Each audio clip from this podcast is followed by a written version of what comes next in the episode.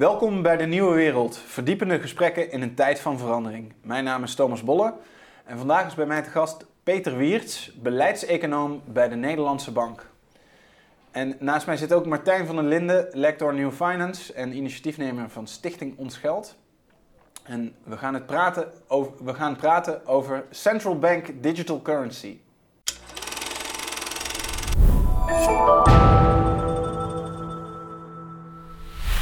Goed, welkom, welkom heren. Dankjewel. Leuk dat jullie er zijn. Dank voor de uitnodiging. Mm, Central Bank Digital Currency, het, ehm, of, oftewel een digitale euro uitgegeven door de centrale bank. En dit onderwerp, ik, ik hou me er al een tijd mee bezig. In eh, 2019 was ik in Frankfurt bij de Europese Centrale Bank en toen mocht ik eh, de raad van bestuur of eh, de, de president van de, de centrale bank, eh, toen nog Mario Draghi, die mocht ik een vraag stellen. En ik vroeg hem of, of, of er werd nagedacht eh, binnen de centrale bank over de invoering van een central bank digital currency. Nou, Draghi die, die gaf toen het antwoord: nee, daar denken wij niet over na. We, hebben, we, we, we overwegen geen experimenten met, met een digitale euro. En nou, dat, dat, dat was drie jaar geleden. En het landschap is in die drie jaar volledig veranderd. Want we, ja, de Nederlandse bank heeft twee jaar geleden eh, voor het eerst een heel rapport uitgegeven over central bank digital currency. En nu wordt er eigenlijk overal ter wereld, ook bij de Amerikaanse centrale bank en bij de Europese centrale bank, volop eh, nagedacht. Maar ook echt al ja, in, een, in een gevorderd stadium eh, gesproken over de invoering van central bank digital currency. Peter, jij hebt, Ja. jij hebt je eh, ook sinds die tijd eh, op dit onderwerp gestort eh, binnen de Nederlandse bank. Waarom is, is dit onderwerp van een, een nee, drie jaar geleden, we denken er niet over na, nu zo centraal komen te staan in, in toch de innovatieagenda van de centrale bank? Ja, nou, de- ik, overigens, ik werk zelf sinds eh, 2019 ook op het onderwerp, dus dat is het punt dat ik startte. En eh, er werd natuurlijk wel over nagedacht. Eh, bijvoorbeeld, er is een rapport van de Bank for International Settlements uit 2018 waar dit internationaal is onderzocht. Maar dat was allemaal nog heel voorzichtig. En eh, er waren een aantal centrale banken al best wel ver toen. Bijvoorbeeld de Zweedse centrale bank, omdat in Zweden nog meer dan toen in Nederland het cashgebruik erg terugliep. Maar het was nog niet mainstream zoals nu. En eh, er zijn een aantal dingen gebeurd sinds 2019 die ervoor hebben gezorgd dat het nu wel zo is. En eh een daarvan is eh, de aankondiging van Libra in 2019 door Facebook om een eigen munt uit te brengen. Een andere is de COVID-crisis, waardoor het cashgebruik is teruggelopen. Dus daardoor kregen ook andere landen in het eurogebied dan Nederland, waar cash ook al langer terugliep, eh veel meer interesse erin. Nou, dat kwam allemaal samen en er waren ook persoonlijke wijzigingen. Want eh, La- eh, Isabel Lagarde van de Europese Centrale Bank, die zat eerst bij het IMF, de president nu. Ja, ja. En die had daar ook al, eh, eh, had haar warme belangstelling al. Christine Eh, Lagarde. sorry, Christine, ja, ik zeg Ja. het fout, sorry, ja. En, en zij is nu Ja. de president van de centrale bank en Ja. daardoor is er ook een andere wind Nou ja, dus je ziet, het zijn ook een aantal persoonlijke wijzigingen geweest, waardoor eh, ja, nieuwe mensen die, andere opvattingen daarover hebben, samen met die internationale ontwikkelingen. En dat heeft ervoor gezorgd dat het nu inderdaad g- groots in de in belangstelling een staat. stroomverstelling is gekomen. Maar je zegt ook, er werd al wel nagedacht, maar het was gewoon publiek nog niet eh, zo'n groot onderwerp. En daar werd, Precies, en er werd veel onderzoek naar gedaan en de risico's stonden vooral nog centraal. Ja, En later werd ook meer gekeken naar de mogelijkheden. ja. Ja. Martijn, je hebt vanuit eh, Stichting Ons Geld eh, je, je hebt al een hele tijd ook, ook hard gemaakt voor een alternatief voor contant geld. Ehm, en en eh, ik, ik zie je moeilijk kijken. Dat- Nou ja, het is vooral een alternatief voor bankgeld, voor digitaal Ja, bankgeld. ja, ja, ja. En wij hebben het in het begin digitaal contant geld genoemd. En het is dus heel erg zoeken naar, naar wat is de juiste term eigenlijk. Hè? En, Ja. en dat is simpelweg te constateren dat banken hebben hun processen de afgelopen decennia gedigitaliseerd. En digitaal betalen is zo handig in het digitale tijdperk en het publieke geld is fysiek gebleven. Ja, dus Dus muntjes, muntjes en, Precies, en je kunt, alleen, als je met publiek geld en heel veel, dus ik werk zelf op een hogeschool bij de TU Delft, maar ook als je met de bus gaat of met de trein, je moet gewoon met eh, privaat bankgeld betalen. Eh, en we, zouden, we hebben dus toen al eh, vrij lang, ik denk dat het eerste voorstel stamt uit 2013 of 14 voor eh, ja, eh, eh, digitaal contant geld. Ja. laten we die historie eens even uitpluizen. Want, en, en ook de definitie is van, van zo'n central bank digital currency is dus eigenlijk dat eh, een overheidsinstelling, de centrale bank, die geeft een digitale munt uit, eh, zoals ze nu ook eh, briefjes en, en muntjes uitgeeft. En dat is dan een, een betaalmiddel dat je gewoon kunt gebruiken om af te rekenen. En dat staat naast het saldo dat wij nu met z'n allen eh, eigenlijk gebruiken voor online betalingen bij commerciële banken. Precies. En dat is dan privaat geld en dit wordt dan publiek geld genoemd. Ja, En eh, dat verschil is overigens heel lastig uit te leggen, want het is al digitaal ons geld. Maar wat is dan het verschil tussen privaat geld en publiek geld? Dus dat is heel erg van uit zeg maar, het beleid beschouwd. En eh, een van de grote uitdagingen die we hebben is om dat niet alleen van het beleid uit te leggen, maar ook uiteindelijk iets te maken wat echt bij de burger gewoon aanslaat en wat heel makkelijk in het gebruik is. Net zo makkelijk minstens als wat er nu wordt gebruikt. Dus, eh, maar goed, daar kunnen we het misschien later over hebben. Maar jouw definitie van een claim op de centrale bank, ja, dat, is, eh, dat is de essentie. En dan is nog de vraag, is het voor algemeen gebruik, zoals cash? Eh, en dat, dat digitaal maken. Of zoals we nu de reserverekeningen hebben van de banken, die waren ook al digitaal. Dus ook zelfs digitaal centrale bankgeld bestond ook al. ja. Maar maar, dat is maar da- daar hadden Ja. alleen eh, banken hebben toegang tot Ja, precies. is, digitale centrale bankreserves. hè? Ja. En, en ja, eh, de, het publiek kon alleen via een, een commerciële bank daar precies. toegang toe krijgen. Precies, en, terwijl die briefjes en muntjes, die stop je rechtstreeks in je portemonnee en daar heb Ja. je geen andere Ja. tussenpersoon voor nodig. Ja. Ja. Oké, dat, nou, dat is dan... eh, Nou ja, het- en dus conceptueel, dat is denk ik Ja. ook belangrijk. Dus inderdaad, de- dus wij hebben toegang tot centrale of commerciële banken, commerciële banken tot de centrale bank. Dat is zo historisch gegroeid. ja. En dit soort voorstellen willen eigenlijk dat gelaagde systeem doorbreken, dat we allemaal rechtstreeks toegang hebben tot de centrale Ja. bank. Dus En- in die zin is het wel echt een, een systeemwijziging, als het zou Ja.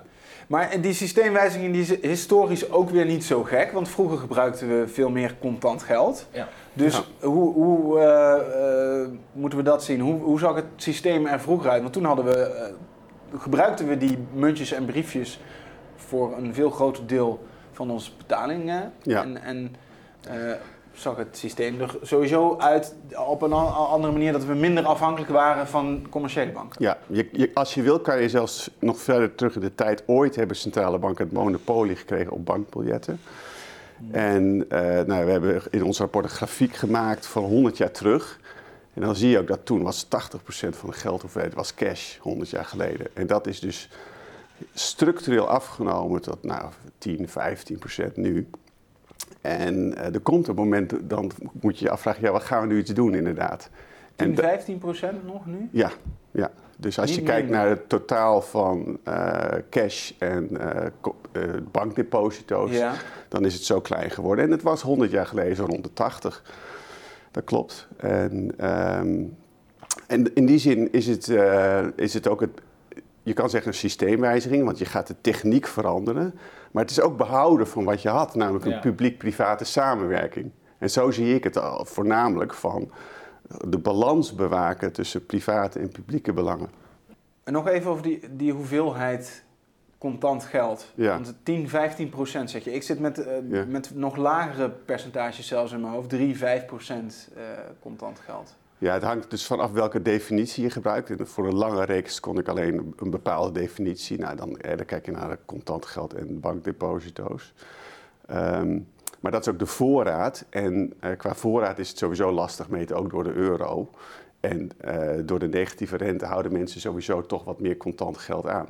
Dan kan je nog beter kijken naar de betalingen. En daar zien we met name hele snelle teruglopen al jaren. Ook aangewakkerd door de coronacrisis. Ehm, en met name aan de toonbank zie je dat dat aandeel, vooral in Nederland, ook eh, heel erg is afgenomen. Ongeveer 1 op de 5 nu. 1 op de 5 betalingen is nog contant. Met met name natuurlijk, eh, Kleine bedragen ook vaak nog, toch? ja, Ja. ja. En eh, met name het, zeg maar, het contactloos betalen is enorm eh, in opmars. Ja. En dat willen mensen natuurlijk ook. Het is veel handiger. Veel... Ja, de- en, en door deze ontwikkeling is de afhankelijkheid van het commerciële bankgeld groter geworden. En dat was voor Ja, ons nee, geld dus ook ik denk de, de aanleiding. essentie, dus het digitaliseren van geld, heeft het onbewuste gevolg dat het geldsysteem eigenlijk is geprivatiseerd. Dus we zijn steeds meer afhankelijk geworden van private vormen van geld, van private banken. Daarom is die rol van die banken zo bepalend geworden. Ehm, en ik denk dat het dus de, de afgelopen, de WRR heeft on- onder andere geschreven in 2019 dat er een onbalans is tussen publiek en privaat. Nou ja, en dit zou één van de dingen kunnen zijn om die balans te herstellen. En hoe wordt daar vanuit de DNB tegenaan gekeken? Want het WRR-rapport, Ja. de Wetenschappelijke Raad voor het Regeringsbeleid, heeft, heeft het, het rapport Geld en Schuld Ja, begin 2019 uitgebracht. En die zeiden daarin inderdaad van het privaat en, en publiek loopt door elkaar. Daarom hebben we allerlei overheidsgaranties nodig. ja, En ehm, eh, zij pleiten ook voor een veilige haven voor het spaargeld buiten die eh, commerciële Ja. banken. Ja. En eh, ze hebben ook gesprekken gevoerd, ook met mij onder andere. Eh, dus ik ben ook daarbij geweest bij de presentatie. En naar aanleiding daarvan heeft de minister aan de Nederlandse Bank verzocht om een, eh, om een rapport te schrijven. Hij is ook in het parlement geweest. En zo zie je die geschiedenis eigenlijk teruggaan van dat ons geld die het aanwakkerde. Daardoor kwam het WRR-rapport. Toen kwam de Nederlandse Bank met een rapport. Daarna kwam het eurosysteem met een rapport. En nu hebben we een groot projectteam. Wat, zo zo, wat zo langzaam gaat het, ja precies. Zo, ja. Dit is de ontwikkeling geweest. Ja, heel kort gezegd. En wat daarbij kwam, wat ik in het begin schetste, die internationale kant. Want wat, je, wat ik zag was, op het moment dat het alleen nog het argument was cash loopt terug, merkte ik ook was terughoudendheid. Je noemde al in het begin Draghi. En toen daar nog een aantal dingen bij kwamen, toen zag je opeens internationaal de consensus veranderen. Hm. Ja. En, en je noemde dat net al even kort. Hè? De, eh, Facebook kwam met Ja. een eh, initiatief Ja. voor een digitale munt. Ja. Wat, wat was de, door, wa- waardoor was dat nou zo'n zo'n eh, wake-up moment voor, voor centrale banken? Nou, het idee dat eh, er nog een ander type private instelling komt, die wordt gedreven door private belangen, hè, uit- uiteindelijk Amerikaanse, eh, aandeel, eh, Amerikaanse partij met aandeelhouders, niet door het publiek belang. En dat je allerlei issues krijgt met concurrentie, privacy, noem maar op. En ook uiteindelijk de autonomie. Geld is heel belangrijk voor de economie. Hè. Betalingen zitten tussen eigenlijk elke transactie. Ja, als je dat in handen krijgt, dan heb je al een hele belangrijke publieke functie. En dat besef, dat werd toen sterker. En de WRR was er natuurlijk al langer mee bezig in ons geld. Ja. En dus ik denk, eh, internationaal werd dat gezien als een wake-up call. Ja, nee, zeker. En ik denk dus, de- er bestonden daarvoor al private munten. Nou, Bitcoin is de meest bekende, maar Bitcoin had geen netwerk. En Libra, er zat een consortium rondom Facebook, maar ook enkele grote eh, Mastercard deed mee, Ja. Uber deed mee, dus die hadden al heel veel klanten. Zouden die een munt uitrollen, hadden ze meteen een heel groot netwerk. En netwerkeffecten zijn cruciaal voor Ja. Dus in die zin was het een heel ander soort eh, bedreiging. En ik denk een, een, een tweede, maar misschien is dat uh, ook weer bevestigen, Ja. dat ook de, op het internationaal, dat vooral China grote stappen heeft gezet met Ja. de ontwikkeling van digitaal centrale bankgeld. Ja. En dat op een gegeven moment nou ja, de, de ECB en de Fed ook wel moesten, omdat misschien anders de, zelfs de, de internationale positie van de eigen munt in gevaar zou komen. Nou ja, dus of je het zo sterk moet doortrekken. Maar in ieder geval, eh, klopt, China was er al lang mee bezig. En dat speelt dan ook mee in die overwegingen. Ja. Hmm. Dus wat dan precies de doorslag heeft Ja, ja, gegeven, dat kun je Een niet... Maar het is echt een combinatie geweest, inderdaad. Ja. Eh, en eh, goed dat je ook China even noemt, inderdaad. Want dat is ook een hele belangrijke. Hm. Ja. En ehm, in, in dat WRR-rapport, daar stond ook de depositobank genoemd. Dat was een andere manier om eigenlijk te zeggen, eh, via een bank die geld niet uitleent, maar die het gewoon rechtstreeks stalt bij de centrale bank, kunnen we burgers ook op een eh, digitale manier toegang geven tot eh, dat veilige geld van de centrale bank, zonder dat je daar een central bank digital currency voor moet ontwikkelen. Dus maar dat is nooit doorgevoerd. Hoe komt het dat daar dan niet meer aandacht voor is gekomen? En dat dat, want dat was praktisch, was dat eenvoudiger Ja. in te richten. Ja, misschien weet Martijn het beter, maar wat ik erover heb gezien is dat eh, uiteindelijk is het dan, kun je dat een publieke bank maken. Nou, dan zou het bij het ministerie zijn. Maar ik- de minister zei uiteindelijk van ja, dat is niet de richting die we opgaan. En er was ook een studie van het planbureau, het Centraal Planbureau, die zei van ja, maar het verdienmodel van zo'n bank is ook best wel lastig. En er was de WRR die zei van zo'n structurele systeemwijziging waarbij we sparen en betalen eigenlijk loskoppelen en sparen of betalen volledig eh, veilig maken met zo'n deposito. Dat vinden we een te groot experiment. Dus ik heb het gevoel dat ook daar weer een aantal factoren een rol speelden waarom het niet die kant op ging, maar een andere kant. Hm. Ja, het is voor de, maar voor de geschiedenis wel goed, want de WR gebruikte de best vage termen veilige haven. Ja. Dus je liet het heel Ja. algemeen en er zijn denk ik drie varianten besproken. Dus eerst al de private depositobank. Eh daar bleek dus heel lastig om de juiste vergunning te krijgen. Dus die Ja. initiatiefnemers zijn van Minfin naar DNB, naar de politiek, naar de AFM. Ja. Maar die werden rondgestuurd en die kwamen niet aan de juiste vergunning. Toen heeft Mahir Alkaya, die is, heb je recent ook hier te gast gehad. eh, die heeft toen voorstel gedaan voor een publieke bewaar- en spaarinstelling. Dat is eigenlijk een publieke depositobank. Eh, die is eh, in de zomer van 2020 eh, 71 Kamerleden hebben voorgestemd en 79 tegen. Dus daar is gewoon geen politieke wil, wil voor geweest. En toen is eigenlijk het enige alternatief wat is overgebleven is eh, CBDC. ja. En de grote partijen in de Kamer die hebben eigenlijk gezegd, nou ja, we wachten op, eh, eh, op de DNB en op de ECB en we gaan daar zelf geen initiatief op eh, nemen. Maar is het, Ja. dat, dat is eigenlijk op zich wel vreemd, want er is wel gestemd, we doen dan geen publieke eh, spaarbank, maar er is nooit echt gestemd van willen we central bank digital currency. Nou, ehm, ik herinner me dat debat dat zeg maar, en het WRR-rapport en het DNB-rapport in het parlement waren. En er was brede steun om hier verder mee te gaan. Ja.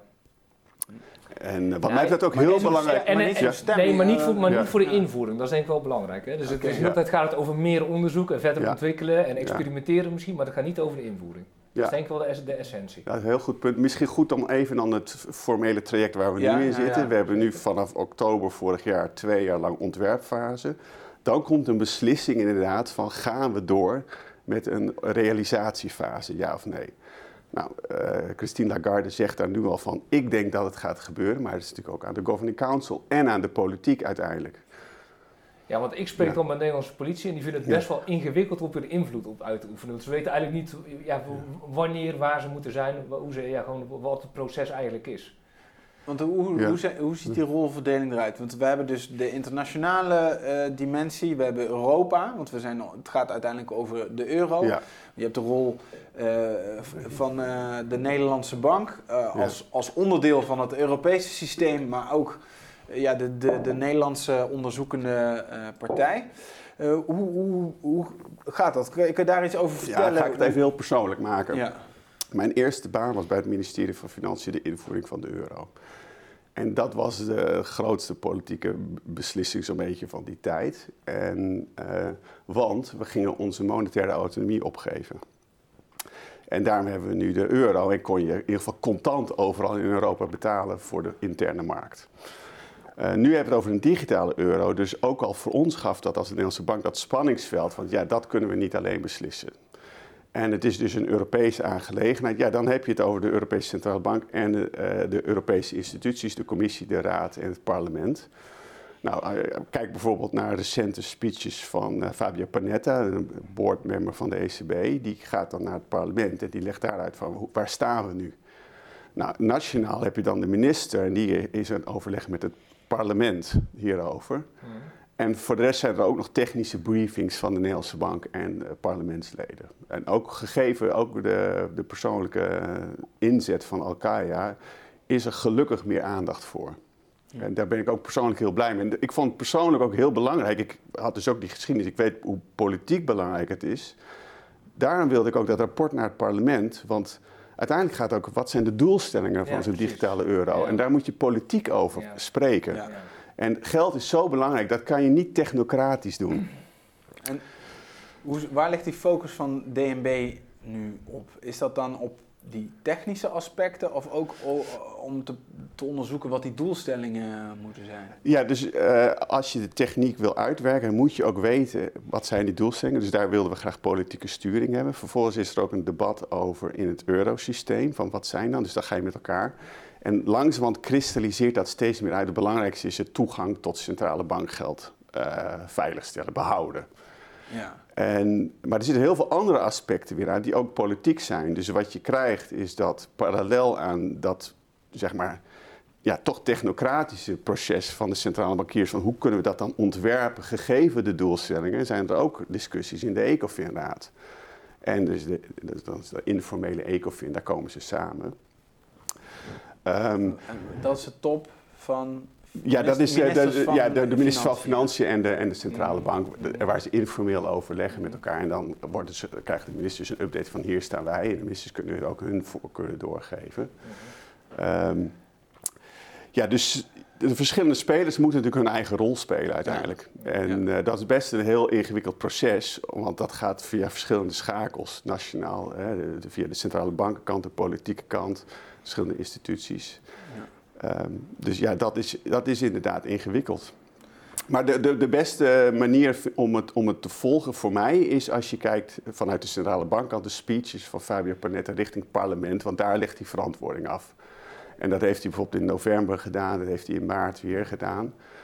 Uh, en daar zie je ook een samenvatting van waar we staan. Hm. En hoe, hoe nu het denken is. Ja.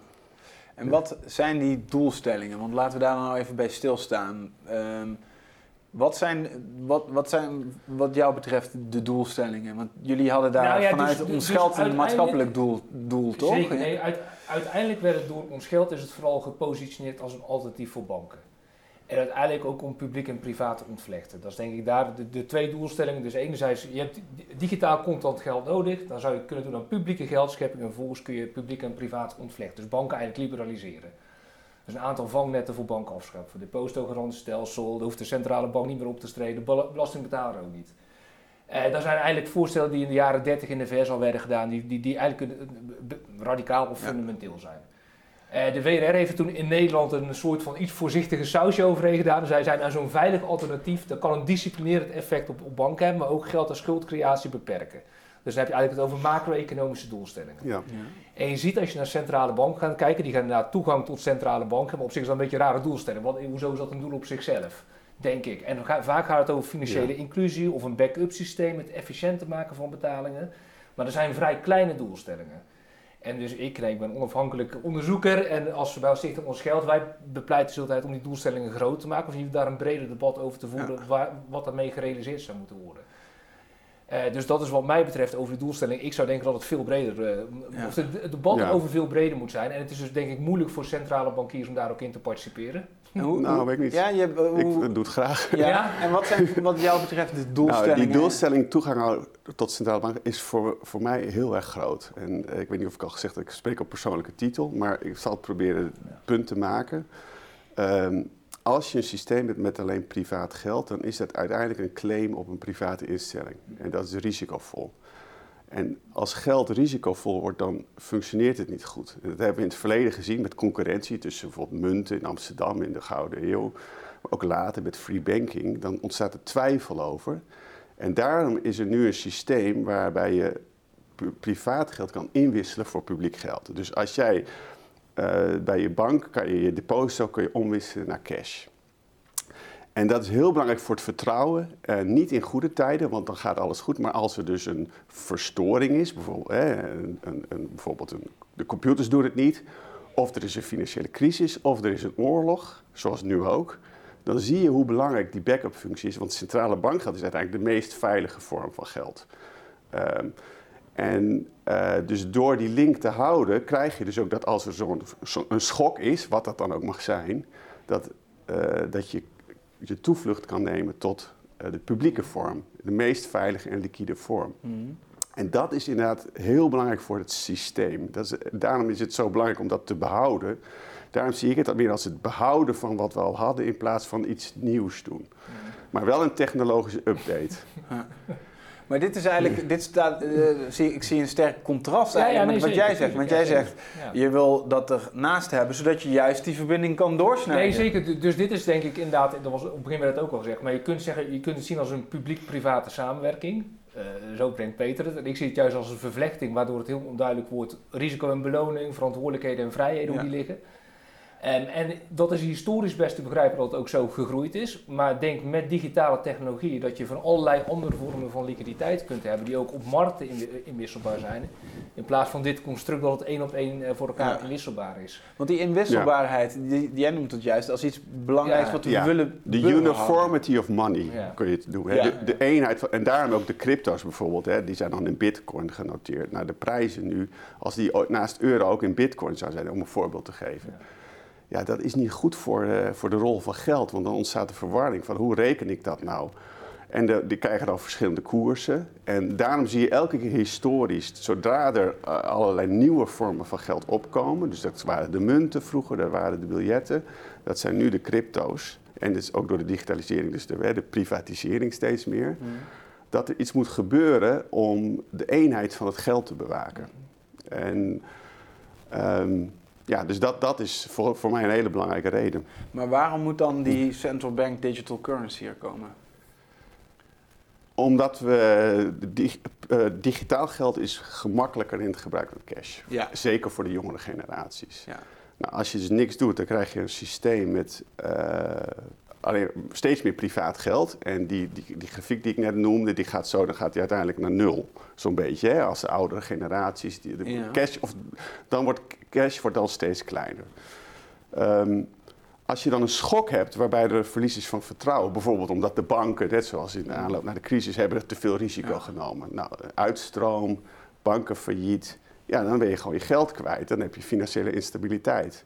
En de onwisselbaarheid is een van de fundamenten om dat, voor het geld om het gezond te houden, naast heel veel andere dingen zoals toezicht en depositogarantiestelsel.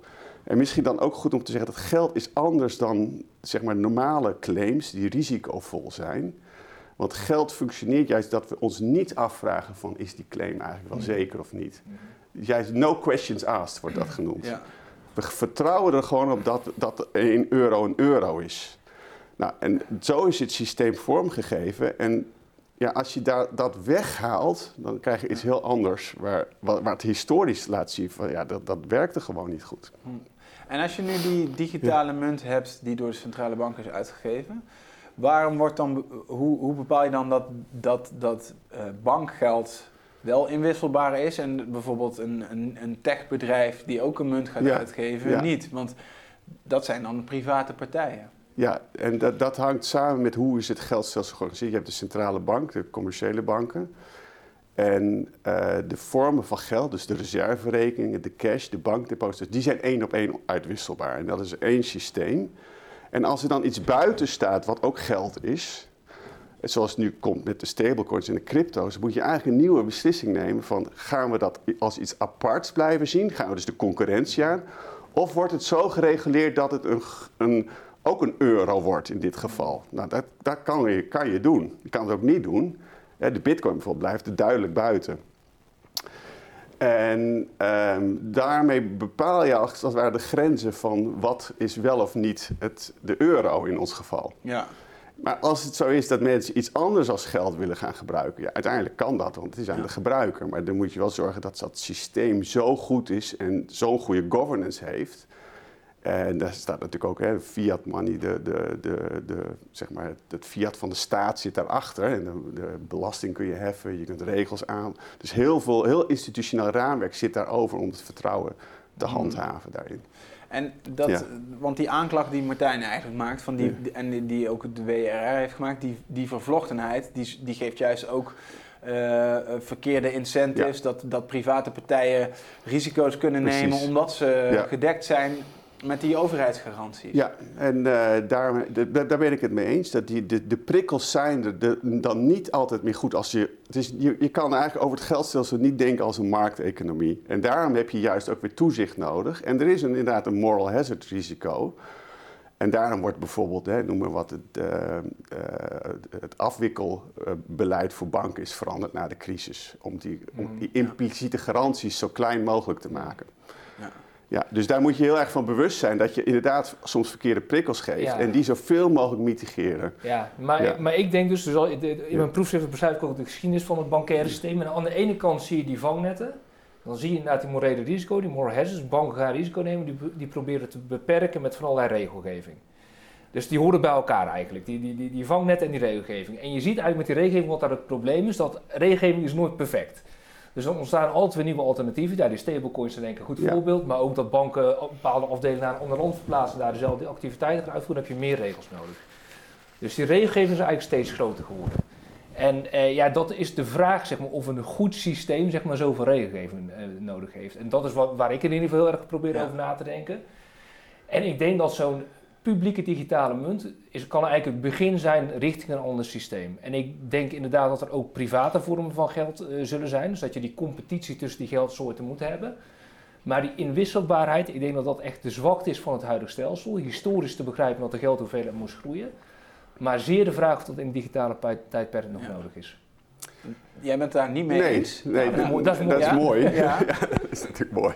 Ja. Want ehm, juist die inwisselbaarheid eh, zet ook druk op de banken om concurrerend te blijven. En als je dat niet zou hebben, zou je dus nog veel afhankelijker worden van private instellingen, zonder de way out.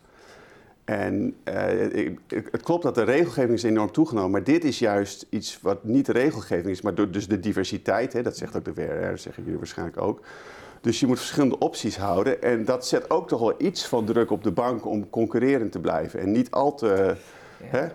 Nou ja, ik heb vrij veel ook centrale bankiers geïnterviewd. En eh, ook voor mijn, voor mijn proefschrift. En een, een aantal, dus als, binnen de centrale bank was geen, geen consens. Maar een aantal die maken in mijn ogen een interessant argument.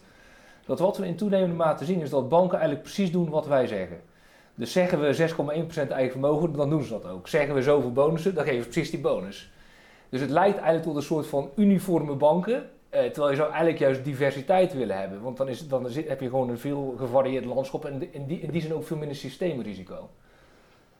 Ja, en een van de manieren om dat denk ik te bereiken is met een, een alternatief te bieden van digitaal centraal Zeker, nee, daar zijn we het over eens. Ik denk dat Maar dat, als daar als dat zeker over eens. alternatief er is, waarom, waarom is dan, zijn die banken dan nog zo essentieel? Want als, als het publiek gewoon een, die veilige centrale bankmunt heeft digitaal en die is makkelijk in het gebruik, waarom hebben we dan die banken op deze manier nodig? Nou, ik, eh, de banken vervullen een essentiële rol in de economie. Het aantrekken van deposits, verstrekken van krediet. Dus voor de economische groei, economische ontwikkeling zijn banken fundamenteel. Maar eh, goed, in het financieren van, Maar- van zaken... Van de maar- economie, maar- ja, het financieren. maar van- een hele maar- belangrijke maar- maatschappelijke Ja, taak. Nee, Maar zeker, maar, het aan, maar, maar dat is wel denk ik essentieel. Ja. Dus het, Ja. elk andere financiële instelling kan geld aantrekken en, en eh, leningen verstrekken. En het aantrekken van deposito's is in die zin vaak, want banken creëren deposito's. Dat is de essentie eigenlijk. Dus als ze wederzijds schuldaanvaring hebben, dat is het verschil met andere, gewoon niet-bankaire financiële instellingen. Gewoon investeringsfondsen, hedgefunds, maakt niet uit. En daarvan kun je zeggen, nou, wederzijds schuldaanvaring heeft een functie misschien. Nou ja, dus kijk, als jullie zeggen van nou, eh, schaf de banken maar af, dan is, de- is dat een richting die WRR, waarvan de WRR heeft gezegd, ja, maar zover willen we gewoon niet gaan. Dat is een te, te, te risicovol Nou, experiment. Ik zou het afschaffen, vind ik ook ver Ja. gaan, maar wel het liberaliseren van banken, eh, dat is denk ik iets anders. Dus je zou kunnen zeggen, nou, als we veilig geld hebben, dan kunnen we bijvoorbeeld het depositogarantiestelsel afbouwen. Dat is een van de vangnetten van banken. Daardoor krijg je gewoon meer marktdiscipline. Ehm, bijvoorbeeld. Wat denk je daarvan? Ja, dat, daar kun je een discussie over hebben, maar het depositogarantiestelsel heeft ook een hele belangrijke rol in het eh, handhaven van het vertrouwen. En ehm, dus het is niet zo dat nu de discussie over digitale euro heel erg sterk samengaat met die discussie, maar ik zie de link ook wel inderdaad. Ja, Want ja. als je digitaal centrale bankgeld hebt, ja, dan is dat veilig. Dan zou je kunnen zeggen, heb je dan nog DGS nodig? Ja, de depositogarantiestelsel. ja, de- want, want, want dan heb je al een veilig alternatief tot 100.000 euro's, hè, bijvoorbeeld. Waarom zou je dan nog dat depositogarantiestelsel nodig hebben? Nou, dus dan, wat je dan wel krijgt, denk ik, is de. Dan worden de banken eigenlijk instabieler. Want dan is er geen. eh, dus eh, als er dan een crisis Mhm. is, een macroschok bijvoorbeeld, dat Mhm. komt soms voor. Ja.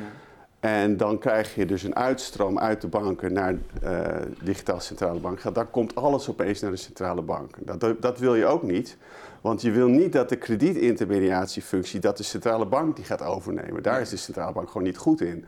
Dus dat wil je dat de banken blijven doen. Dus uiteindelijk is het een hele nauwe balans van eh, aan de ene kant wel een alternatief, maar niet overnemen wat de markt beter kan. Nee, zeker. Eens. Maar, maar het, het, het Ja. gaat, het gaat meer om als je, als je die eh, veilige haven dan hebt, hè, met Ja. de central bank digital currency, eh, kunnen die banken dan niet op een andere manier functioneren? Dat ze, want ze vervullen een belangrijke rol in het financieren van de economie. Ja. Maar je hebt ook nu allerlei andere bedrijven die ook eh, financieren in de economie, die zich op een andere manier Ja. financieren dan banken. Zeker. Dus Ja. kan die verandering niet stapsgewijs eh, zo plaatsvinden dat die banken zich eigenlijk gewoon gaan financieren zoals andere eh, partijen die, die hun geld ergens anders ophalen en daarmee gewoon de economie financieren?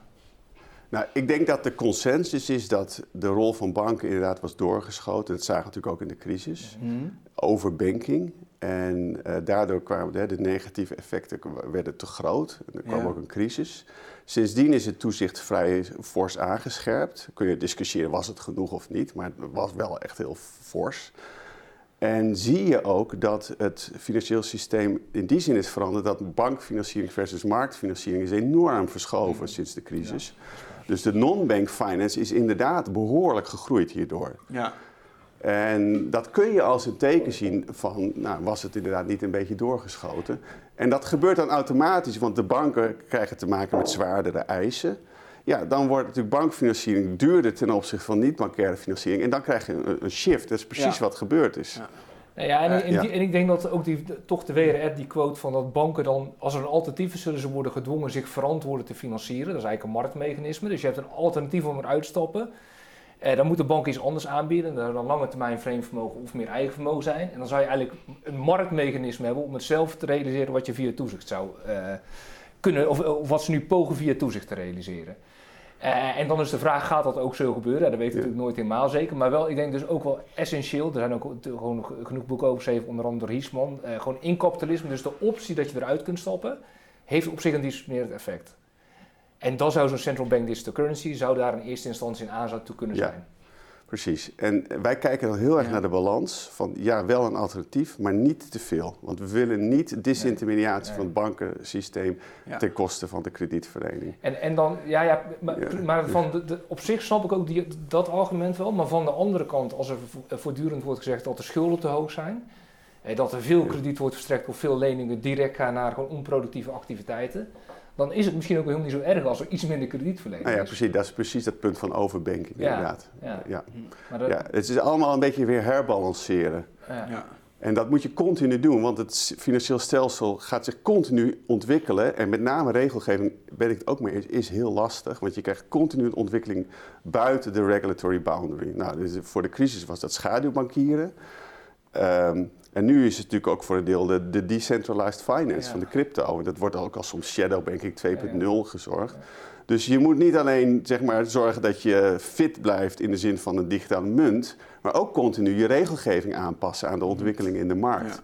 en er zijn altijd weer ontwikkelingen eromheen en altijd op een nieuwe manier en altijd complex. Ja, ja. Maar je zou misschien kunnen zeggen, zo'n CBDC, misschien eerst met een limiet geïmplementeerd en dan iets hoger, dat het gewoon publieke buffers zijn. Dus eigenlijk heel erg dat vertrouwen, die hebben we gewoon met elkaar.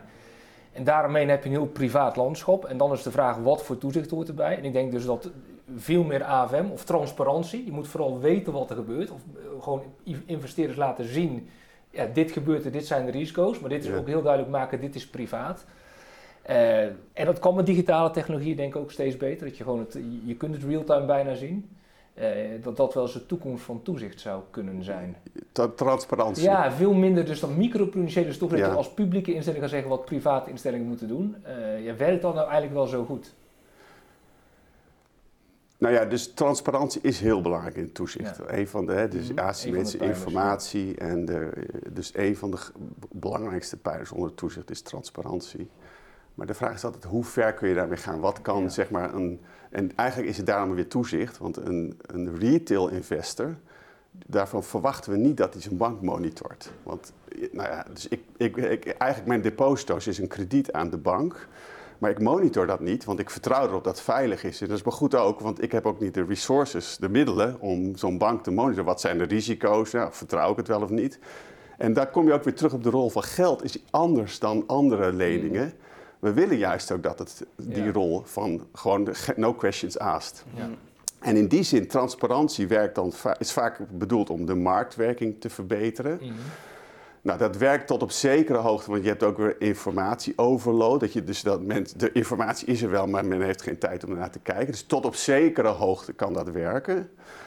Ehm, maar ook tot, echt maar tot op zeker moment. Bijvoorbeeld een van mijn eerste banen bij financiën was de financiële bijsluiter of key information document voor financiële producten. Transparantie verhogen. Mhm. Nou, nu had ik studenten die hadden naar gekeken. Die zeggen van ja, ik heb al investment gedaan. Ik kom er nu achter dat er zo'n product is. Ik ben er eens naar gaan kijken. Nou, niemand leest dit. Niemand leest het. Dus in die zin is het ook het toezicht is niet alleen maar weer transparantie, maar gaat ook vaak over belangenconflicten. Is krijg ik van die aanbieder wel het juiste product? Ja. En wat zijn de prikkels van die aanbieder om mij iets te geven wat bij mij past? Of wil die gewoon alleen maar winst maken? Dus dan kun je zeggen transparantie, maar daarnaast is ook belangenconflicten denk ik een hele belangrijke. En dan, maar dan ontzorgt de toezichthouder ook voor de consument dat die zich niet te veel druk hoeft te maken, dat die grote risico's loopt. Maar ja, hoeveel kan de consument zelf, Zelf aan. eh, aan? Ja, dat is dan een belangrijke vraag. Ik wil even terug naar die central bank digital currency, want we, we hebben hier Ja. een hele discussie over wat is nou de doelstelling in het, eh, de, de verandering van het eh, financiële landschap, wat wordt de rol van banken. Je ziet hier al een heel, ja, de, de insteek van ons geld en eigenlijk dat die central bank digital currency kan leiden tot een liberalisering van het bankenlandschap. Dat is helemaal niet hoe, hoe jij er tegenaan kijkt als zijnde de doelstelling waarom nu zo'n central bank digital currency wordt ontwikkeld. Wat zijn nu de doelstellingen die zijn gedefinieerd en waarom DNB is gevraagd van werk, werk dit eens uit wat dan mogelijk is? Ja, dus het is nog niet zo dat er nu één lijst van doelstellingen die is die publiek is afgehamerd. Dit zijn ze, maar, dus, Nee. maar het wordt wel steeds duidelijker. Dus Ja. de toegang houden vanwege die, die balans tussen publiek en privaat geld. Dus toegang omdat dat contante geld verdwijnt, Ja, omdat het steeds minder wordt, Ja. maar ook contant geld willen we behouden. wil je behouden, oké. Ja. Een tweede hele belangrijke is de autonomie. Want door de digitalisering word je steeds afhankelijker van platformen. De- we hebben, hebben net al over Facebook gehad, maar denk ook aan de creditcardmaatschappijen. Ja. En dus de netwerkeffecten worden groter. Dus de rol, de, markt, de marktmacht van private spelers wordt steeds groter. En geld heeft een hele belangrijke functie Ja. in de economie. Dus daar wil je niet te afhankelijk van worden. Ja. Nou, dus die autonomie, doelstelling zie ik eigenlijk stijgen de laatste tijd vanwege de oorlog. Ja. Omdat we ons nu allemaal realiseren van ja, inderdaad, als een private partij één schakeltje eruit haalt, dan kan je niet meer betalen. Dus dat moeten we eigenlijk in eigen handen houden. En waar- waarom is dan, want die techbedrijven die worden gezien als oeh, dat is bedreigend, maar waarom zijn grote commerciële banken dan niet ook bedreigend? Nou, het argument geldt ook voor eh, te grote afhankelijkheid van de, van de banken. Dat is eigenlijk hetzelfde argument van, van diversiteit en marktmacht. Maar toch dat, de die- WRR eh, die, Maar- die, stelt, die haalt dat sterk aan. Maar ja. toch, omdat die partijen, want we zijn al afhankelijk van grote banken, daarmee is het een soort van, dus de status quo, dat accepteren we. Terwijl die tech-giganten zeggen nu eigenlijk van, ja, als die grote banken het kunnen, wij kunnen het beter. En dan zijn we de- ne- wat, wat banger daarvoor. Nou ja, dus in de Nederlandse discussie zie ik die twee, eh, die twee stromen van afname contant geld, toename van afhankelijkheid van de banken. Ja. En later kwam er internationaal Ja. nog de crypto-discussie Ja. bij. Dus het WRR-rapport gaat natuurlijk over die kant. Ja. Ja. dus de- dat speelt ook mee. En, en dan in Europa, hoe is daar Ja. de dynamiek? Zijn er ook tussen de verschillende landen, hebben die ook verschillende doelstellingen? Verschillende ideeën erbij? Ja, je ziet heel erg dat het betaallandschap enorm verschilt tussen de landen in het eurogebied. En Ja. daar hebben we heel veel discussies over gehad. En daarom was het ook, heeft Nederland een, eh, denk, een, denk, denk een hele belangrijke rol gespeeld samen met de ECB. Omdat wij het meest gedigitaliseerd zijn in het eurogebied. En eh, landen als Duitsland, Frankrijk moesten echt over de streep getrokken worden. En daar speelde de COVID-crisis dus een belangrijke rol. Want hè, Duitsland is het bekendste voorbeeld, Ja. veel meer cashgebruik. Ja, die, die keken ook nog altijd een beetje zo van, nou, voor ons hoeft dat nog niet. Hè. De Zweden zagen ze wel natuurlijk. Maar eh, toen de, de COVID er ook nog bij kwam en zij ook zagen dat er minder betaald werd in cash, ja, toen ging het steeds meer eh, spelen. Dus dat, dat is een, een hele belangrijke dynamiek inderdaad. Hm. Eh, maar wat volgens mij heel in de onderhandelingen heel belangrijk was, dat de Nederlandse Bank had gezegd in het rapport: wij hebben positieve grondhouding, heeft de directie daar uitgedragen in de onderhandeling met de ECB. ECB zag het ook. En langzamerhand er waren ook nog wat andere Nordics die ook in datzelfde schuitje zaten van afnemend cashgebruik. En toen zag je het hele veld langzaam kantelen. En, Ja, daar- dat is een van de Ja, mooiste onderhandelingsprocessen Ja, die ik ooit gezien Ja. heb. en Ja. is daardoor DNB nu ook in een, een positie dat, dat ze een beetje de leiding ook kunnen nemen binnen het geheel van de Europese banken? Nou, ik weet niet of je dat zo kan noemen, maar de DNB heeft een prominente rol in de onderhandeling, ja. Wel, wie zijn er nog meer prominent in het geheel? Ja, altijd de grote landen, maar ook een aantal eh, Baltische staten die heel erg met de techniek bezig zijn. Ja. Die, die, vind- die, die zijn ook heel eh, Hm. prominent, vind ik. En de focus van het Maar uiteindelijk zie je dat, dat, dat bijvoorbeeld, elk land heeft dan zijn eigen ding. Bijvoorbeeld de, de Italianen, om een voorbeeld te geven, die zijn heel goed in eh, de infrastructuur. Die hebben ook zelf hele divisies waar ze dat dan eh, ontwikkelen. Ja, die zitten daar natuurlijk heel erg op in. Dus Ja. in die zin heeft elk land een beetje zijn eigen stokpaardjes. En waar zit, de, waar zit de focus van DNB? Zit die dan niet zozeer op dat technische, maar meer op de, de macro-uitwerkingen Ja, van wat- deze ontwikkeling? Nou ja, dus, de, dus om het überhaupt zover te krijgen. En nu, nu we de projectgroep hebben, vanuit de ECB werken er inmiddels 60, 70 mensen op, dus het is echt heel groot. Zetten we ook in op van, nou, bij ons is cashgebruik het meest aan het teruglopen. Dus de goede eigenschappen van cash, de privacy, Ja, ja, precies. Ja. eh, de financiële inclusie, de backup functie. Ja, dus- Hoe kunnen we dat behouden? Ja, nee, want dat ook in digitale ja. vorm. Ja, nee, want dat, Dat is wel heel interessant, want heel vaak hebben wij dus als Ja. politie vroegen van hoe moet zo'n CB CBDC eruit komen te zien. Het moet inderdaad zoveel mogelijk op contant geld lijken. Alleen dan in digitale vorm. En dat is precies deze, eigenlijk je ook, het is je Ja. bezit eigenlijk, dus het kan niet zo worden afgepakt. Er zit geen rente op, het moet privacy. Precies, dit, dit, Ja. dit soort dingen was ook het oorspronkelijke idee. Dat is wel leuk om te horen dat het dan toch ja, terugkomt. Precies, nee, daar, zit- daar goed. eh, dat is iets waar wij eh, Ja. specifiek op inzetten. Ja.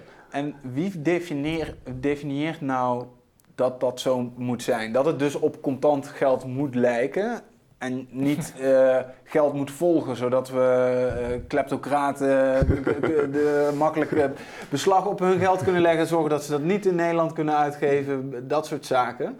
Eh, Ja. dat, wie bepaalt dat? Nou, ja, uiteindelijk eh, voor de, centrale bank altijd het eurosysteem, dus het zogenoemde high-level task force. Ja. En eh, daar zitten alle, zitten alle banken van het eurogebied in. En er is een besluit geweest van we gaan nu de ontwerpfase doen. Ja. Nou, dat is allemaal op de website. Op de website van de ECB kan je ook heel veel vinden hierover. En eh, dan is het van gegeven die doelstellingen, hoe kon je het dan ontwerpen? En dat is echt een enorm complex proces. Ja. Helemaal van back-end tot front-end tot schema's.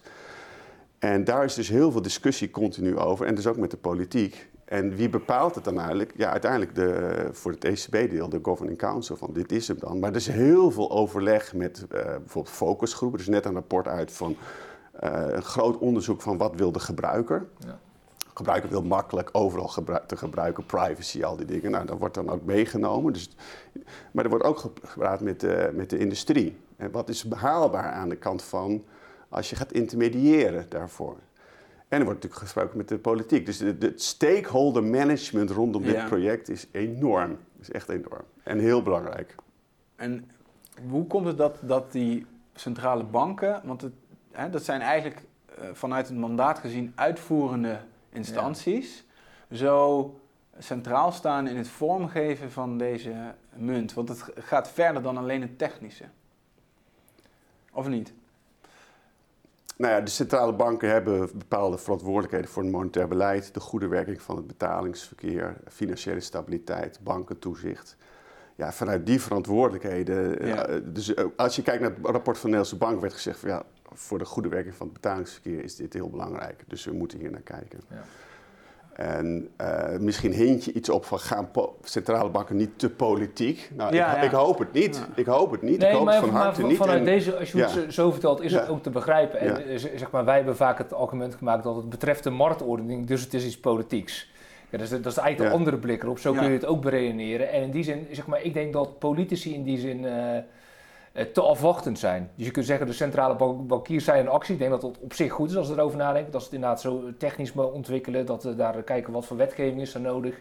Hoe kun je die interfaces bouwen. Maar dat juist meer die politici, dat daar eigenlijk de zwakte zit. Dat die zich niet te veel meer tegenaan bemoeien. Eh, eh, ja, dat, is- dat is wat ik gewoon denk en ook wel heb ervaren de afgelopen jaren. Ze vinden het ingewikkeld, een beetje afwachtend. Maar daar is volgens mij juist de...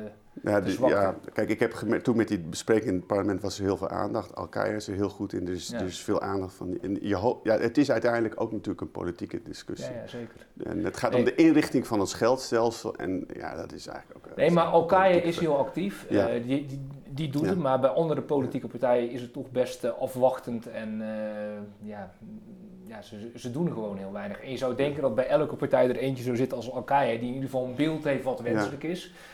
Eh, En dat is misschien ook nog leuk om even de programmeerbaarheid. Want het kan heel veel op digitaal content geld lijken, maar er kunnen ook heel veel andere dingen tegenwoordig met digitale technologieën. Ehm, en wordt er ook over die programmeerbaarheid van geld eh, nagedacht? Ja, dat is een van de aspecten waarnaar wordt gekeken. En als je het dan hebt over in de zin van een conditionele betaling, ja, Ja. dat zou kunnen. Maar dat is even de vraag of dat al, meteen wordt meegenomen. Daar ligt, zo- zoals ik het zie, niet de allerhoogste prioriteit. Want de allerhoogste prioriteit is eerst die ontwikkelen en zorgen dat die helemaal werkt. met alle goede features die vereist zijn. Nou, en dat, daar is heel veel, ja, dat is gewoon een heel proces. Mhm. Ehm, maar als je het hebt over programmeerbaarheid in de zin van het uitsluiten van eh, bijvoorbeeld eh, een bijstandtrekker kan alleen hier en hier aan uitgeven, dan niet. Want geld moet universeel toegankelijk blijven.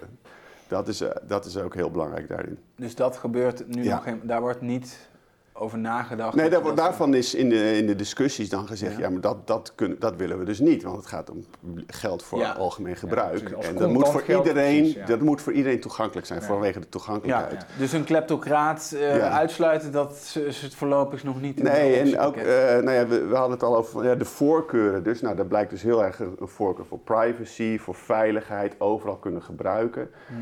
En dan zie je ook wel dat die voorkeuren, ja, wat mij betreft, heel Europees zijn. Want we hebben ook een hele sterke privacywetgeving, hè, de General Data Protection Regulation. Mhm. En eh, dus die Europese digitale euro, die zal ook echt heel Europees worden in die zin van de voorkeuren moeten weer spiegelen van de Europese burgers. En vandaar ook die focusgroups. En dat rapport is overigens beschikbaar op internet, de website van de ECB. Daar zijn gewoon in alle landen interviews gedaan van een digitale wallet. Wat zouden jullie willen? Wat zouden jullie willen? Nou, dat staat gewoon centraal bij de en dat wordt dus ook meegenomen in deze ontwikkelingen. Ja, En ja, eh, hoe, ja. hoe contrasteert dat bijvoorbeeld met de ontwikkelingen in China, waarbij eh, nou, privacy wordt daar al heel anders over nagedacht. En ik merk ook, als we over dit onderwerp spreken, er zijn er ook mensen die zijn bang van, hé, hey, maar eh, als we straks een, een digitale munt hebben uitgegeven door de centrale bank, eh, wat, wat, waar is zeg maar eh, de grens dat het niet gebruikt gaat worden voor dingen die, die voorbij Ja. de privacy gaan en juist meer het, het Chinese systeem waarbij je ja. ehm, kan monitoren en eisen kan stellen aan, aan dat geld. Ja. Dat is een beetje dan het angstbeeld. ja. Hoe reëel is dat? Nou, ja, dus iets wat heel erg op het netvlies staat, om, eh, dat privacy moet voorop staan. Ehm, alleen, wat er lastig aan is, is dat het is uiteindelijk digitaal. Dus als je een cashbetaling doet aan jou, ik geef Ja. het je, het- nou ja, het is Ja. nu opgenomen, maar verder wordt dat niet... Dat weet niemand. Dat, weet niemand. Ja. Terwijl als het digitaal is, dan laat het een spoor na. En we hebben natuurlijk ook de anti-witwaswetgeving, dus het moet wel voldoen. Nou, dat is onder andere een van de politieke discussies waar de ECOFIN-raad over heeft gesproken. Hoe, hoe, hoe balanceren we dat? En eh, dan is het zo dat uiteindelijk de, bijvoorbeeld de witwascontroles, die zouden dan door intermediairs worden gedaan. En het is niet zo dat de centrale bank toegang krijgt tot persoonsdata. Dat, we- behalve als het echt niet anders kan, zeg maar. Ja. Bijvoorbeeld voor de witwas of voordat je iets moet, moet weten in de settlement. Maar het uitgangspunt is niet. Ja.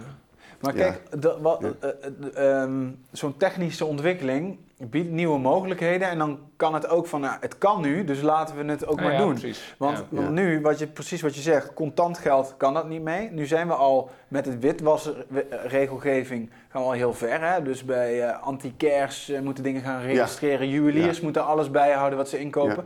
Eh, wat, wat echt al heel ver Ja. gaat en waar ook ja, eigenlijk die, die administratieve romslomp heel groot wordt. Maar als het allemaal digitaal is, dan, gaat, weet je, dan zijn al dat soort bezwaren zijn weg. Het kan heel makkelijk. Als het makkelijk kan, waarom gaan we het dan niet doen? Die, die stap is natuurlijk. Nou, in ieder geval, wij zetten ons in, dus eh, net, net als eigenlijk als het hele eurosysteem, om privacy maximaal te houden. Een van de, de manieren is eh, om na te denken, niet alleen een online digitale euro, maar ook offline. En daar is toch een hele technische discussie, hoe ver kan je er gaan? Maar dan zou je kunnen zeggen, afhankelijk weer van wat de wetgever zegt, Ja. qua witwasbeleid, kun je daar een regime krijgen om voor kleinere bedragen unaniem te betalen. En in hoeverre is het technisch mogelijk om bijvoorbeeld via je mobiele telefoon of via een kaart eh, je lokaal je geld op te slaan zonder dat het gehackt wordt en je krijgt dat het gekopieerd wordt. Ja. Het is natuurlijk digitaal. Nou, daar zijn mogelijkheden voor, die worden allemaal in kaart gebracht. Maar dat is dus ook een hele technische discussie van in hoeverre Ja, ja, is dat haalbaar. Ja, maar onze mogelijk? inzet is duidelijk. Wij willen dus de cash-like features, en er zijn dus een groot voordeel, voorstander van als het kan, offline betalingen ook, met anoniem. Ja. Ja, dit is dat Ja. account-based en token-based. Dus enerzijds Ja. een rekeningachtig iets bij een centrale bank, dat je daar je transactie doet. En dat token-based, dat je het gewoon peer-to-peer, gewoon ik naar Ja. Thomas, Thomas naar Ja, en overmaken. Verhoudt dit zich tot, tot eh, Bitcoin? Hè? Want daar wordt eh, eh, zo'n zo'n ledger die dan Ja. decentralized is. ehm, dat contrasteert heel erg met het idee van we hebben een centrale bank die het uitgeeft. Dat is al een centraal instituut. Uh, hebben we daar wel zo'n zo'n decentralized systeem in nodig? Terwijl die discussies lopen hele, heel veel door elkaar. Hè? Dan wordt er gezegd, dankzij die nieuwe technologie kunnen we nu ook zo'n central bank digital currency uitgeven. Hoe uh, staan die tegen ja, naast dus elkaar? Dat is goed dat je zegt, want in het algemene debat wordt vaker dan allemaal op één hoop gegooid. Een bitcoin en digital currency. Maar het zijn echt hele andere dingen. Ja. En uh, Bitcoin is uiteindelijk een, een boekhoudsysteem, kun je zeggen, met, waar niks achter zit, behalve dat mensen geloven erin en dan krijgt het een zekere waarde. Maar er zitten natuurlijk heel veel nadelen ook aan met energieverbruik, al die dingen. En uh, dat heeft een bepaalde techniek, de distributed ledger, waarvan het niet zo is dat die dan ook wordt gebruikt per definitie voor central bank digital currency. Voor central bank digital currency kijken wat zijn de maatschappelijke doelen, wat willen de gebruikers. En de techniek komt pas helemaal aan het eind. Nou, mocht het zijn dat nieuwe technieken daarvoor de beste zijn, dan zullen we dat doen. Maar dan kijk je gewoon wat past het beste daarbij. Ja.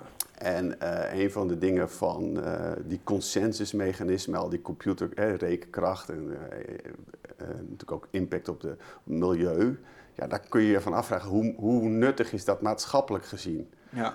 Een van de redenen dat het zo ingewikkeld is, is uiteindelijk ook om, om, het niet, om aan de regelgeving te ontkomen. Hè? De complexiteit waar we het eerder over hadden. Mhm. Zodat het niet kwalificeert als iets wat we al hebben, zodat je het niet onder de regelgeving hoeft te doen. Um, en om daar, daar, daar, ga je natuurlijk niet van zeggen, oh, dan gaan we dat uh, importeren. Dus in het uh, publieke domein, zeg Ja, maar. ja. Dus, maar die discussie, die over, uh, dat is eigenlijk een hele aparte discussie die nog moet komen. Wat is de beste techniek om te leveren uiteindelijk? Zodat het veilig is en overal te gebruiken, et cetera. Goed, en en daar, daar Ja. wordt nu dus ook onderzoek naar gedaan. Ja. Er wordt gekeken naar Ja. die implicaties. Eh, burgers zijn betrokken in, door focusgroepen. Er is ook een online questionnaire, geloof ik. eh, die ja, er is ook een consultatie geweest. Die is- Consultatie. ja, er is ook een rapport van. En nou, inderdaad, al die andere die issues kwamen weer naar boven. Veiligheid, privacy. Hoe ziet dat proces er nou uit? Want, Ja. want er is ook, jij hebt eh, een, een petitie ook ondertekend met 120 wetenschappers die zeiden: oké, ondanks dat die eh, consultatie er is, vinden wij dat, dat de burger eigenlijk nog te weinig betrokken is. Ja, de in het burger en de politiek van van die- van die doelen. Ja, precies.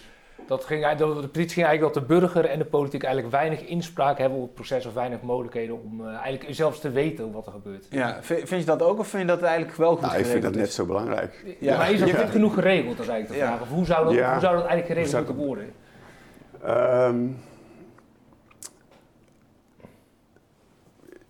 kijk, de- dus die focusgroepen en de, alle overleggen, die zijn er. Mhm. En eh, dus op de website staat heel veel informatie. Het is ook een kwestie van ja, hoe betrokken wil je dan zijn, denk ik. Mhm. Ehm, kijk, als ik terugdenk aan de, de besluitvorming over de euro destijds. ehm, toen werkte ik dus bij Financiën en dat was natuurlijk heel politiek. En daar had je heel veel debatten over. En ik ben het wel een beetje met jullie eens, dat leeft hier nog minder. Nou, misschien dat deze uitzending kan helpen. Want ik vind gewoon, we moeten die discussie natuurlijk hebben hierover, want dit is super belangrijk.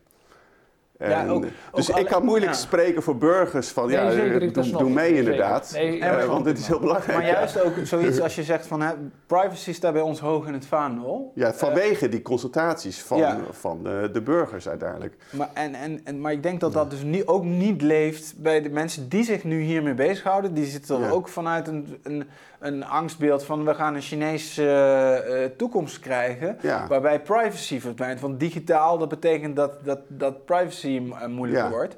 Ehm, juist door dat publieke gesprek te voeren, kun je Ja. denk ik ook eerder zulke angsten wegnemen. als Ja, dat niet precies. En nogmaals, dus heel erg dank voor de uitnodiging. Ik ja, eh, goed dat je het opbrengt. Ja. Maar, maar hoe kunnen we nou, want, want hoe ziet het proces, jullie zijn daarover aan nadenken, er komt straks nog een rapport. Hoe wordt die politiek nu weer Ja, betrokken en wat, Ja. wat wordt Ja. dan die zet? Want Ja. wat gaat de politiek doen? Krijgen die het rapport en die zeggen, nou goed over nagedacht, eh, ga het maar doen? Of wordt er ook echt gezegd, ja maar wij willen deze doelstelling, Precies, burgers, wat Precies, willen jullie? nee, precies. Nou, dus gewoon- dit- ja, ja. precies. Daar zijn allemaal overlegorganen tussen de Europese Centrale Bank, de commissie, de, de top van de Europese Centrale Bank, de ministers. En die moeten weer met hun parlement communiceren. Ja. En daar moet het ook vandaan komen. En iedereen weet dat de, de Europese Centrale Bank over twee jaar komt met een, eh, of over anderhalf jaar, iets meer dan anderhalf jaar inmiddels van, nou ja, zo zou het kunnen qua ontwerp. Mhm. Ja. Dan moet er nog een beslissing worden genomen, gaan we verder. En dan is het ook natuurlijk aan de politiek om te zeggen, nou dit vinden we ervan. En het, Ja. misschien is het wel zo dat naarmate die datum dichterbij komt, dat ook het debat steeds intenser Ja. wordt. En ondertussen zal de ECB ook via stakeholder management in het Europese parlement blijven updaten van nou hier staan we, hier denken we aan. Mhm. En ik hoop inderdaad dat het een heel groot maatschappelijk debat wordt. Want dit is wel moeilijk, want als, dat, als zo'n rap- rapport er ligt en hè, de Europese Commissie, de, de- al die partijen hebben erover nagedacht, maar het zijn toch allemaal partijen die vrij ver van de burger afstaan. En dan zie ik de minister, eh, Kaag, die weet niet zo heel veel van, van Nee, dit onderwerp, zeker, maar die is wel nu minister van ja. Financiën. Die komt dan gewoon straks met dat rapportje en dan is het gewoon, willen we dit ja of nee? En dan stemt gewoon het, het kabinet, zegt ja, dat willen we, want dit gaan we toch niet meer tegenhouden.